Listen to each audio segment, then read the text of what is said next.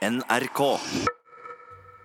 Hva er et eh, sikkert eh, sommertegn eh, for deg, i tillegg til sol og varme, Hugo? I Norge i hvert fall er det festivalene. De er overalt. Det begynte ganske tidlig med Festspillene i Bergen.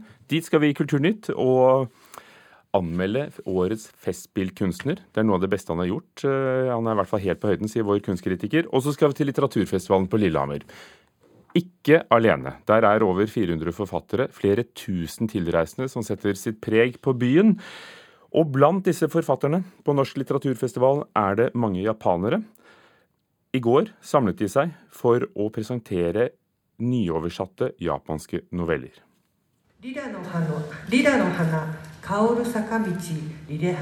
Hiromi Kawakami framfører et spontant haikudikt i begeistring over å være på plass i Lillehammer. The scent of the lilac on the way up the hill in Lillehammer. På denne måten hilser Kawakami, som er en av de mest kjente forfatterne i Japan, byen som tar imot henne. Haiku is a greeting, yeah. so I wanted to greet to med navnesøster Hiromi Ito er hun på plass i festivalbyen for å vise at japansk litteratur stort sett handler om livet og hvordan det leves, også der. Humanity, human life. Begge disse forfatterne skriver jo fra en helt annen virkelighet enn vår, og likevel så skriver de på en måte som gjør at vi kan kjenne oss igjen i erfaringer vi aldri har hatt. Magne Tørring er oversetter og en av redaktørene bak en ny samling japanske noveller, som han håper vil føre flere norske lesere inn i en rik litterær tradisjon. Livet blir mer og mer komplisert.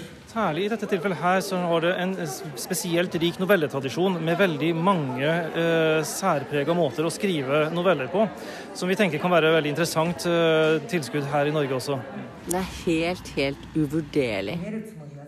Den ferske dobbeltprisvinneren Vigdis Hjorth mener at de aller fleste kan ha noe å lære av å lese litteratur fra andre deler av verden. Kanskje til og med den mektigste av oss alle.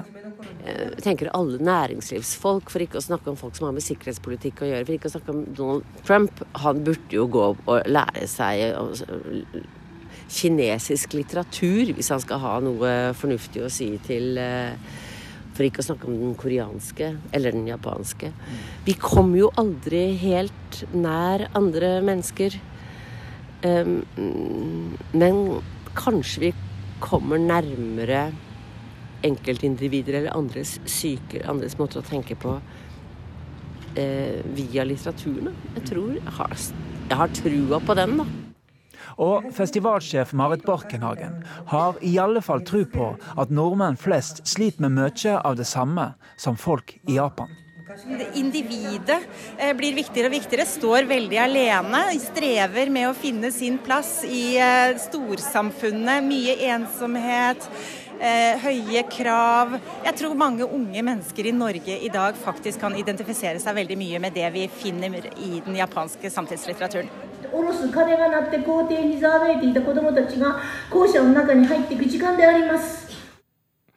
Vi droppet oversettelsen på det siste vi hørte der, men dette foregikk altså på litteraturfestivalen på Lillehammer i går kveld. Reporter Arne Sørenes.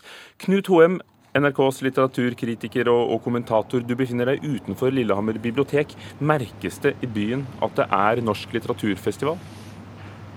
Ja, her henger eh, de gule flaggene og bannerne overalt. Jeg har forflyttet meg nå bort til Stortorget, hvor eh, det står et stort eh, telt, hvor vi skal sende direkte fra senere. Og eh, nå er byen eh, full av litteraturarrangementer. De har vel aldri hatt så mange scener i denne lille byen som de har akkurat eh, nå. Vi hørte akkurat om japansk litteratur. I går snakket du om tysk litteratur i, i Studio 2. Det er mange løyper, som de kaller det, i årets program. Ser du noen røde tråder, eller, eller kanskje én rød tråd? Nå har de jo sluttet med sånne temaer for festivalen som eh, de hadde før, men jeg tror kanskje at en overskrift i år kan være en slags refleksjonen over hvor grensene går. Og da tenker jeg på flere måter. Også én grense handler jo om forholdet mellom dokumentarlitteratur og skjønnlitteratur. Dette er jo satt i gang av eh, Morgenbladet sin sakprosakåring, der de altså skal kåre de best, ti beste eh, eh nordiske sakprosabøkene i morgen. Men eh, en forfatter som danske Naja Maria Ait har jo skrevet en bok som heter 'Har døden tatt noe fra deg, så gi det tilbake', som er en intens selvbiografisk fortelling om tapet av hennes egen sønn i et skjønnlitterært språk. Så den grensen der mellom sjangerne blir utforsket i flere eh, eh, arrangementer. Og en annen grense er jo selvfølgelig eh, det, grensen mellom menn og kvinner og hele metoo-debatten. Eh, de har eh, Festivalen har laget ulike løyper som man kan følge, og én løype er jo da en metoo-løype. Der vi bl.a. i morgen kan oppleve danske Susanne Brøgger i samtale med Olaug Nilsen rundt nettopp hvor grensene går og hvor vi står nå i forhold til til eh, metoo-debatten. Det er altså så mange forfattere at vi kan jo ikke nevne dem alle, enda du har sagt noen navn nå. Eh, en av dem dere er invitert til Åpen bok i P2 direkte klokken 13 15 i dag, er en debutant som du mener er oppsiktsvekkende god, nemlig Anna Bliksæter hun, hun, er biolog, og hennes bok 'En hyllest til eh, sauen', eh, fortellinga om det lille dyret som bygde landet, er noe av det morsomste og mest tankevekkende og interessante jeg har lest av norsk sakprosa på lange tider. Hun har den evnen til å fortelle på få sider hvordan sauen kom til Norge for 5000-6000 år siden. Eh, hvordan den har beitet seg inn i det norske kulturlandskapet, og hvilke følger det får for det norske økosystemet hvis den ikke gjør det lenger. Det handler ikke bare om kulturlandskap som gror igjen, det handler om den lille sommerfuglen prikkrutevinge. Har du hørt om den? Ikke før nå. Nei, prikkrutevingen som eh, skal ha et plass å legge eggene sine. Men da må prikkrutevingen ha en plante som heter smalkjempe, og den er det sauen som sørger for at fins der. Så Anna Blix kommer til å fortelle mer om uh, denne boken i, i, vår sending klokken ett i dag. Takk skal du ha, Knut Hoem. Åpen bok direkte altså klokken 13 til 15 både i dag og i morgen i NRK P2, og selvfølgelig også på radiospilleren til eh, NRK. Det var det fra litteraturfestivalen nå. Eh, om 20 minutters tid her i, eh, i Nyhetsmorgen så kommer vi tilbake til Lillehammer. Da skal det handle om en ny nynorsk litteraturhistorie. Det viser seg at forfattere i Norge som skrev på nynorsk, ofte var i utakt, enten tidligere ute eller senere ute enn andre forfattere i Norge.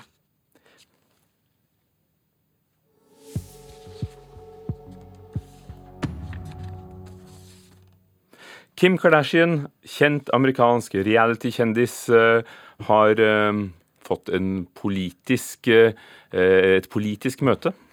I saw your video. I'll do whatever it takes to get her out. Og dette var så vidt vi hørte stemmen hennes. Eh, hva dreier det seg om, eh, kulturreporter eh, Knut Øyvind Hagen? Jo, Kardashian har engasjert seg i saken til Elise Marie Johnson, en 63 år gammel kvinne som soner livstid for en narkotikadom.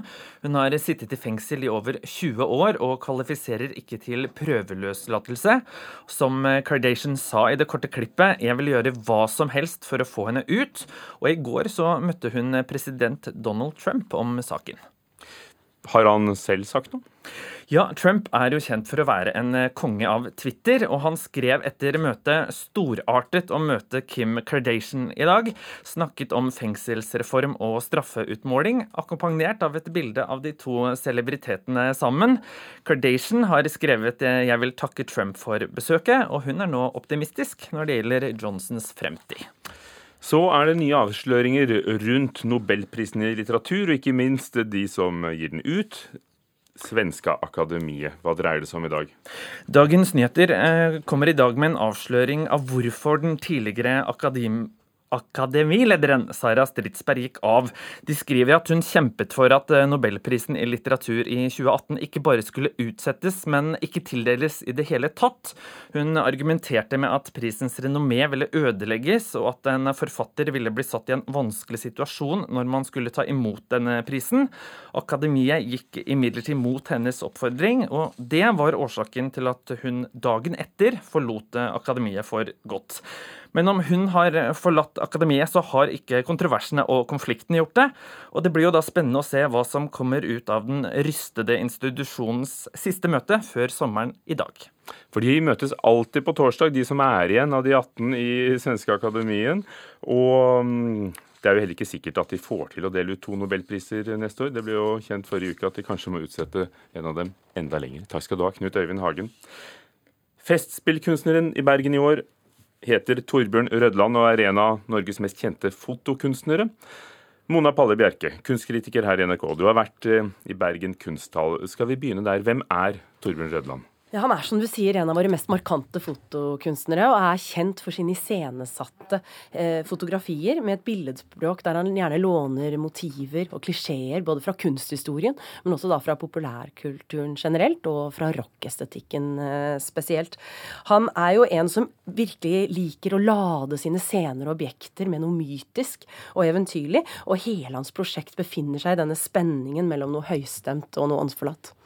Hva fikk du se? Hva får vi se i Bergen kunsthall? Det som er morsomt, er jo 30 helt flunkende nye fotografier og en ny film. Eh, utstillingen heter The Fifth Honeymoon, altså Den femte bryllupsreise. Og i tittelen så legger han jo her inn noen henvisninger, noen ganske sånn eh, seriøse henvisninger til ekteskap og, bry og bryllupsreise, da. Men som alltid så har han denne lille trivielle tvisten sin. Eh, han har jo tidligere f.eks. tatt sant, de store kunsthistoriske, romantiske motivene med en ryggvendt skikkelse i et praktfullt, mektig landskap med f.eks. en liten sigarett eller en Rimi-pose eller et eller annet lite trivielt element som tar hull på konvensjonen. Nå gjør han noe lignende da i denne store allmennmenneskelige tematikken. F.eks. et fotografi der vi bare ser to eh, par hender, eh, og den ene trer en ring på den andres eh, finger. Og dette er en veldig sånn eh, meningsladet gest som vi forbinder med det å inngå forpliktelser, med forlovelse, med ekteskap. Men så er det denne ringen som er en sånn billig, rocka, sånn goth-inspirert eh, ring, og som på en måte gjør gir en tvist. For det handler jo da i, i fortellingene om bryllupsreise og og hvetebrødsdager. Ja, I hvert fall er dette en metaforisk eller billedmessig overbygning her. For det er jo ikke sånn at vi ser det er brudebilder og bilder fra bryllupsreise sånn direkte. Men han er opptatt av dette med vår evige lengsel etter å forbinde oss med andre mennesker. Og det er så sterkt ved Rødlands prosjekt at det er så kroppslig. Det er så sanselig. Og han har jo alt fra stilleben, som f.eks. en, en pute en stor, myk pute omgitt av bitte små fargerike ullballer. Han har eh, f.eks. et keramisk anker dyppet i eh, sjokolade. Men der hvor mennesker inngår, det er jo de bildene som blir aller sterkest. Og et bilde som virkelig grep meg, eh, det var et bilde av en avkledd gammel mann som tviholder på noen lange, magre ben litt sånn keitete stilling på disse bena. de er kledd i en litt sånn rar bukse og med noen veldig store Nike-sko. Og det virker som en veldig underlig mellommenneskelig forbindelse. Dette er noe som er veldig typisk for Hødland. Han gjerne har disse parene som er litt sånn oddepar. Og så er det også film. Ja, og dette er jo den første filmen Rødland presenterer på elleve år, så det er jo litt spennende. Og denne filmen den heter 'Between Fork and Ladder'. Og vi ser en liten gutt på ti år som sitter i et tre og synger en amerikansk pop låt med litt sånn mollstemt amerikansk poplåt. Og han synger den med en klar og fin guttestemme, men som har dette litt skingrende som uskolerte barnestemmer gjerne har. men han, mellom gaffel og stige gir tittelen en mening? Ja, det er, jo, det er, jo, det absurde i dette. Det er jo et kryssklippet, en slags kollasj med bilder fra LA og Lofoten. Og her er det jo eh, en gigantisk gaffel som inngår, og også bilder av en stige. Men det er jo mer sånn, det er ikke sånn at man kan forvente et handlingsforløp i Rødlands filmer. Det er mer utvidelsen, fortsettelsen av billedspråket hans i fotografiene, hvor vi får levende bilder, et uttrykk. Og er, Han sitter da, denne lille gutten, og klipper i stykker et tekstil med denne frosken Pepe, som er jo hentet fra populærkulturen. Torbjørn Rødland har du omtalt i positive vendinger før, og det er alltid stor spenning om hvem som blir årets festspillkunstner, og, og hva gjør de? Ja, Hva, gjør, hva, hva, vil du si? Hvordan har han gjort det?